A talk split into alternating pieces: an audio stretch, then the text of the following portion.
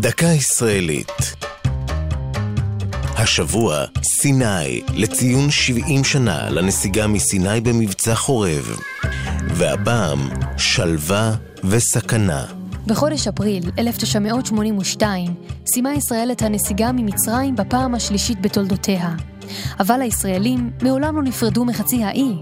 עם תום מלחמת ששת הימים, החלו לחקור את האזור הרפתקנים ישראלים, ואז נודע ברבים שמן של הלגונות הכחולות ושל השקט המדברי הקסום.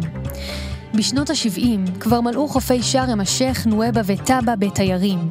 בקולנוע עלה הסרט מיליונר בצרות, שהציג את כפר הנופש של רפי נלסון בטאבה כסמל חיי חופש ומותרות.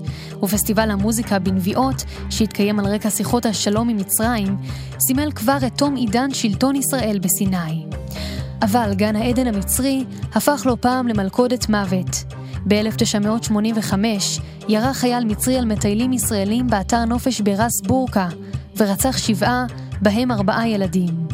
ב-2004 וב-2005 נרצחו כ-120 אזרחים, בהם 12 ישראלים, בשתי התקפות טרור. בשנים האחרונות נרשמת התאוששות מהירה, ולמרות אזהרות המסע של משרד החוץ, בשנה שעברה טיילו יותר מ-340 אלף ישראלים בסיני. זו הייתה דקה ישראלית על שלווה וסכנה. כתב יואב אונגר, ייעוץ הדוקטור ברק בוקס.